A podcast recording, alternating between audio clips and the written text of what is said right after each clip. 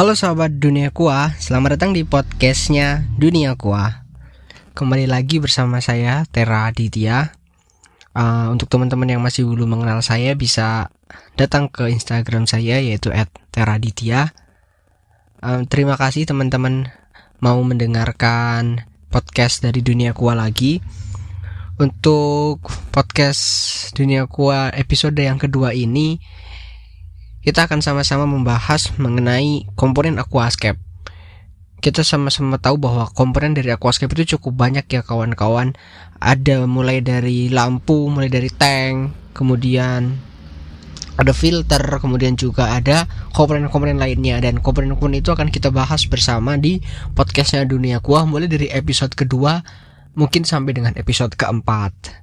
Untuk teman-teman yang belum sempat mendengarkan podcastnya Dunia Kuah di episode pertama, teman-teman bisa langsung cek di deskripsi. Di sana uh, podcastnya Dunia Kuah membahas tentang hal yang sangat dasar, yaitu tentang apa itu aquascape dan gaya-gaya aquascape atau aquascape style, agar teman-teman bisa lebih mengikuti podcast-podcast selanjutnya. Untuk teman-teman dan kawan-kawan semua dan sahabat dunia kue yang sudah mendengarkan podcast yang pertama, mari teman-teman dan kawan-kawan semua untuk kita membahas uh, komponen aquascape.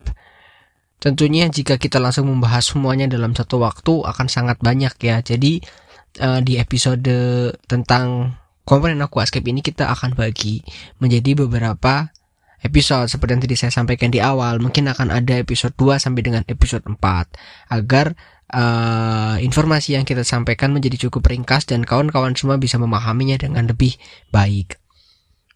Untuk komponen aquascape yang pertama yang akan kita bahas ada dua yaitu tank dan lampu. Kenapa kita dari podcastnya Denioko memilih untuk membahas tank dan lampu karena rasanya hal yang paling dasar dari aquascape adalah tentang tank dan juga lampu sebelum kita membahas komponen-komponen yang lainnya.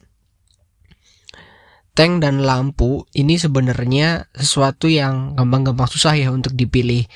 Uh, untuk teman-teman yang sudah expert mungkin memilih tank dan lampu ini bukan menjadi persoalan yang sulit, tapi untuk kawan-kawan semua yang masih belum mengenal aquascape atau baru mengenal aquascape secara permukaannya saja, memilih tank dan juga lampu tentunya menjadi hal yang cukup PR ya karena tank sendiri ada beberapa macam, lampu juga ada beberapa macam serta ada hal-hal yang harus diperhatikan. Yang pertama kita mulai dari tank aquascape ya kawan-kawan semuanya. Seperti yang ditampilkan di layar untuk teman-teman yang mendengarkannya melalui YouTube. Uh, di sana ada ada beberapa macam ya. Di sana ada tiga tiga macam uh, jenis dari tank aquascape. Dilihat dari bentuknya ya. Yang pertama itu ada tank jenis rimless. Kemudian ada rim dan ball. Rimless dan rim ini sebenarnya dibedakan dari sabuk. Ketika kawan-kawan membeli aquascape maka akan dibagi yang kotak ya khususnya akan dibagi menjadi dua yaitu yang rimless dan rim. Keduanya sebenarnya cocok-cocok saja untuk digunakan sebagai aquascape tetapi agar visualnya lebih bagus biasanya kawan-kawan scapers menggunakan jenis tank yang rimless. Kemudian juga ada ball aquascape atau aquascape bulat ya. Ini juga umum digunakan. Biasanya ini untuk digunakan aquascape aquascape jenis low tech atau rendah teknologi. Untuk bahannya sendiri tank dari aquascape ini ada dua ya yang sangat populer yang pertama ada kaca dan yang kedua adalah akrilik Kedua bahan ini sangat populer dan memiliki kelebihan dan kekurangannya masing-masing. Kawan-kawan bisa memerhatikan uh, kekurangan dan kelebihan ini untuk bisa menentukan kira-kira tank mana sih yang paling cocok untuk digunakan sebagai aquascape milik akan digunakan uh, menjadi aquascape milik kawan-kawan semuanya. Bahan yang pertama itu ada kaca.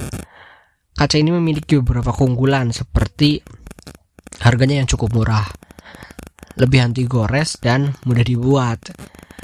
Uh, kaca ini kan bahannya di mana-mana ada ya, jadi harganya juga cukup murah dan mudah dibuat. Sekarang banyak sekali uh, penjual dari tank-tank kaca yang custom dan terbukti bahwa kaca ini sangat mudah untuk digunakan sebagai tank aquascape. Sementara kelemahannya adalah berat.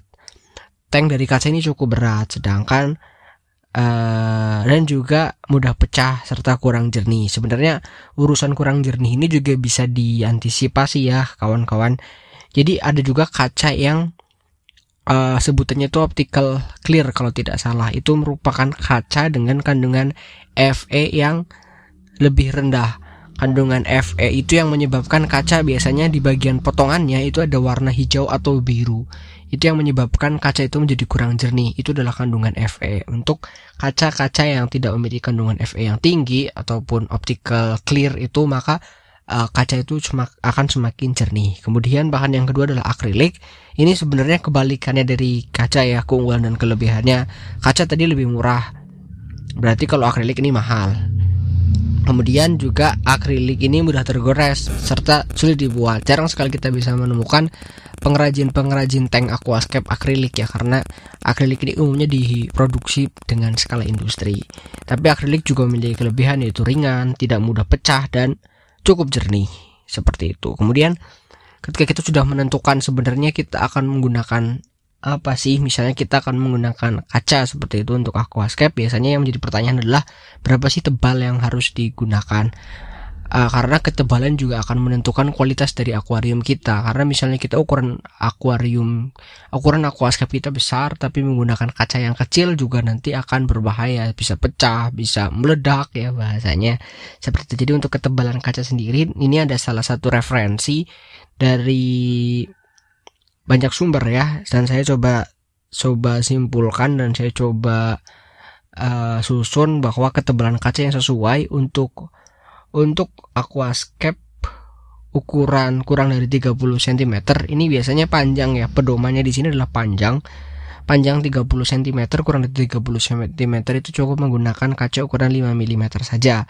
Sedangkan untuk hmm, aquascape dengan panjang 30 sampai dengan 60 cm dianjurkan untuk menggunakan uh, kaca dengan tebal 6 mm 60 sampai dengan 90 cm menggunakan ketebalan 10 mm dan untuk ketebalan 12 mm bisa digunakan untuk aquascape dengan panjang 90 sampai dengan 120 cm dan untuk akuarium panjang 120 sampai dengan 150 cm kawan-kawan bisa menggunakan kaca dengan tebal 15 mm. Mungkin untuk tank aquascape perdebatannya cukup di situ ya cukup di bahannya akan menggunakan apa kemudian jenisnya akan menggunakan apa dan jika menggunakan kaca maka ketebalannya berapa seperti itu jadi yang harus dicatat oleh kawan-kawan adalah tadi ya eh, teman-teman akan menggunakan apa kaca kacakah atau akrilikah bisa disesuaikan dengan budget bisa disesuaikan dengan kebutuhan misalnya oh, aquascape-nya akan sering dipindah-pindah maka teman-teman bisa lebih memilih menggunakan akrilik karena ringan seperti itu. Dan ketika teman-teman ingin mendapatkan visual yang lebih lebar visual yang lebih terlihat secara jelas itu teman-teman bisa menggunakan rimless. Sementara jika ingin lebih kuat aquascape-nya bisa teman-teman menggunakan yang rim atau menggunakan sabuk seperti itu. Kemudian kita bahas yang selanjutnya adalah lampu aquascape untuk lampu aquascape uh, ini sebenarnya juga cukup sulit ya untuk kawan-kawan yang masih pemula karena untuk memilih lampu ini jenisnya cukup banyak ya seperti dulu uh, para pe, para penghobi aquascape akuarium itu sering menggunakan lampu neon. Lampu neon itu ada yang neon yang panjang, ada juga neon yang memutar seperti itu. Dan uh, neon-neon itu cukup murah ya dulu harganya walaupun secara watt harus sangat tinggi dan akhirnya kurang efisien dalam penggunaan listrik. Di pembahasan kali ini kita tidak akan terlalu banyak membahas tentang neon ya karena neon sudah cukup jarang digunakan. Jadi yang akan kita bahas lebih dalam adalah lampu LED karena lampu LED ini sangat-sangat umum ya sekarang kebanyakan pengguna aquascape menggunakan lampu ya LED seperti itu karena LED sendiri macamnya juga cukup banyak. Teman-teman bisa membeli yang custom, teman-teman juga bisa membeli yang sudah pabrikan seperti itu. Jadi ada cukup banyak pilihan untuk yang LED saja. Sementara untuk menentukan lampu itu teman-teman sebenarnya lebih kami sarankan untuk memilih yang LED saja karena pertama mendapatkannya cukup mudah teman-teman bisa langsung beli dan juga kualitasnya cukup bagus serta cukup efisien dalam uh, penggunaan daya listrik. Tetapi yang harus teman-teman ingat adalah bagaimana teman-teman menentukan besaran watt. Ini yang biasanya menjadi pertanyaan. Berapa sih watt yang cocok untuk aquascape milik saya? Berapa sih uh, jumlah watt yang cukup untuk aquascape ukuran sekian? Seperti itu menjadi pertanyaan dan ada beberapa metode untuk menentukannya. Mungkin teman-teman yang mengikuti atau sahabat duniaku yang mengikuti Instagram kami di @duniakua beberapa kali melihat postingan kami tentang cara menentukan watt yaitu dengan menggunakan rumus liter yaitu panjang dikali lebar dikali tinggi yang nanti akhirnya jadi liter dibagi dengan uh, konstanta 5000 dan akhirnya kita akan menemukan angka yang kita anggap itu sebagai watt.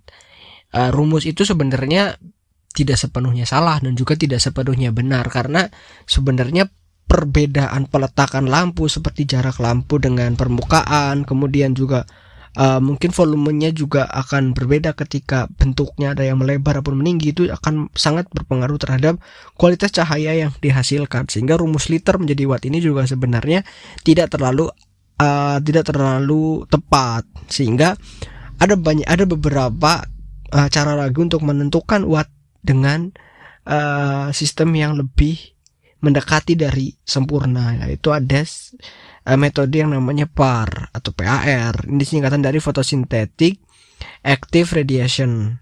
Dan cara mengetahui PAR ini menggunakan alat yang bernama parmeter walaupun parmeter ini juga sebenarnya cukup sulit ya mendapatkan ya mungkin kita harus online dari luar negeri atau kita harus mencari ya cukup sulit lah. Dan harganya mungkin juga tidak terlalu ekonomis untuk kawan-kawan yang uh, menggeluti hobi aquascape dengan tidak terlalu serius mungkin juga cukup cukup keberatan ya jika harus membeli parameter maka ada metode lain yang bisa digunakan yaitu dengan menggunakan luxmeter. Ketika teman-teman punya alat yang bernama luxmeter maka itu bisa digunakan. Walaupun alat luxmeter itu tidak bisa langsung digunakan karena umumnya luxmeter tidak digunakan di dalam air. Sementara untuk mengetahui jumlah lux atau mengetahui di dalam aquascape maka luxmeter itu harus dicelupkan di dalam air. Maka perlu adanya modifikasi. Dan angka dari yang dihasilkan dari luxmeter itu tidak langsung menjadi watt tapi kita harus membaginya dengan konstanta 67 dari mana angka ini ini juga saya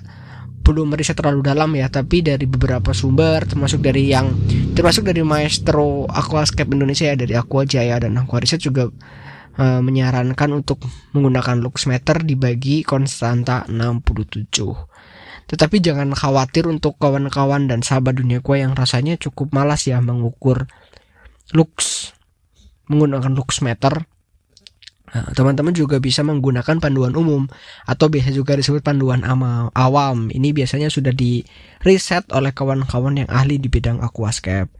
Mungkin teman-teman dan sahabat dunia kobo bisa mencatat ya angka-angka ini untuk panduan watt uh, aquascape. Ini menggunakan satuan lagi-lagi panjang. Satuan panjang 30 cm itu menggunakan lampu yang memiliki watt 12 sampai dengan 18 watt. Untuk yang panjang 45 cm, kawan-kawan bisa menggunakan 18 sampai dengan 20 watt. 60 cm panjang 60 cm, kawan-kawan bisa menggunakan 30 sampai dengan 35 watt dan untuk yang 90 cm, panjang 90 cm, kawan-kawan bisa menggunakan 100 sampai dengan 120 watt. Dan untuk panjang 120 cm, teman-teman disarankan untuk menggunakan 150 sampai dengan 200 watt. Seperti itu. Jadi, untuk pemilihan lampu aquascape ini yang harus diperhatikan oleh kawan-kawan semua adalah memilih lampu dengan kebutuhan watt yang sesuai karena watt ini akan berpengaruh terhadap produksi cahaya dan produksi cahaya itu yang nantinya akan digunakan oleh tanaman untuk melakukan fotosintesis. Misalnya satu tanaman itu membutuhkan uh, cahaya yang high, maka wattnya juga harus tinggi agar tanaman itu bisa melakukan fotosintesis dan berkembang dengan baik. Mungkin seperti itu ya untuk panduan lampu karena eh, kawan-kawan sebenarnya tidak tidak tidak penting lagi mendebatkan lampu apa yang harus digunakan. Apakah lampu neon atau LED karena ya untuk zaman sekarang lebih baik kawan-kawan semua menggunakan lampu LED seperti itu. Dan mungkin hanya itu ya yang bisa kami sampaikan di episode kedua ini. Terima kasih banyak kawan-kawan sudah mendengarkan. Untuk kawan-kawan yang mendengarkan di YouTube kawan kawan-kawan bisa juga tadi ya melihat slide demi slide-nya agar uh, informasi yang kami sampaikan bisa diterima dengan cukup baik juga. Nantikan podcastnya Dunia Aqua di episode selanjutnya, episode yang ketiga kita akan membahas komponen aquascape yang lainnya. Apa uh, komponen yang akan kita bahas, kita nantikan saja. Dan terima kasih. Ikuti terus sosial media kami di Instagram @dunia dan YouTube Dunia Aqua Channel. Bye bye.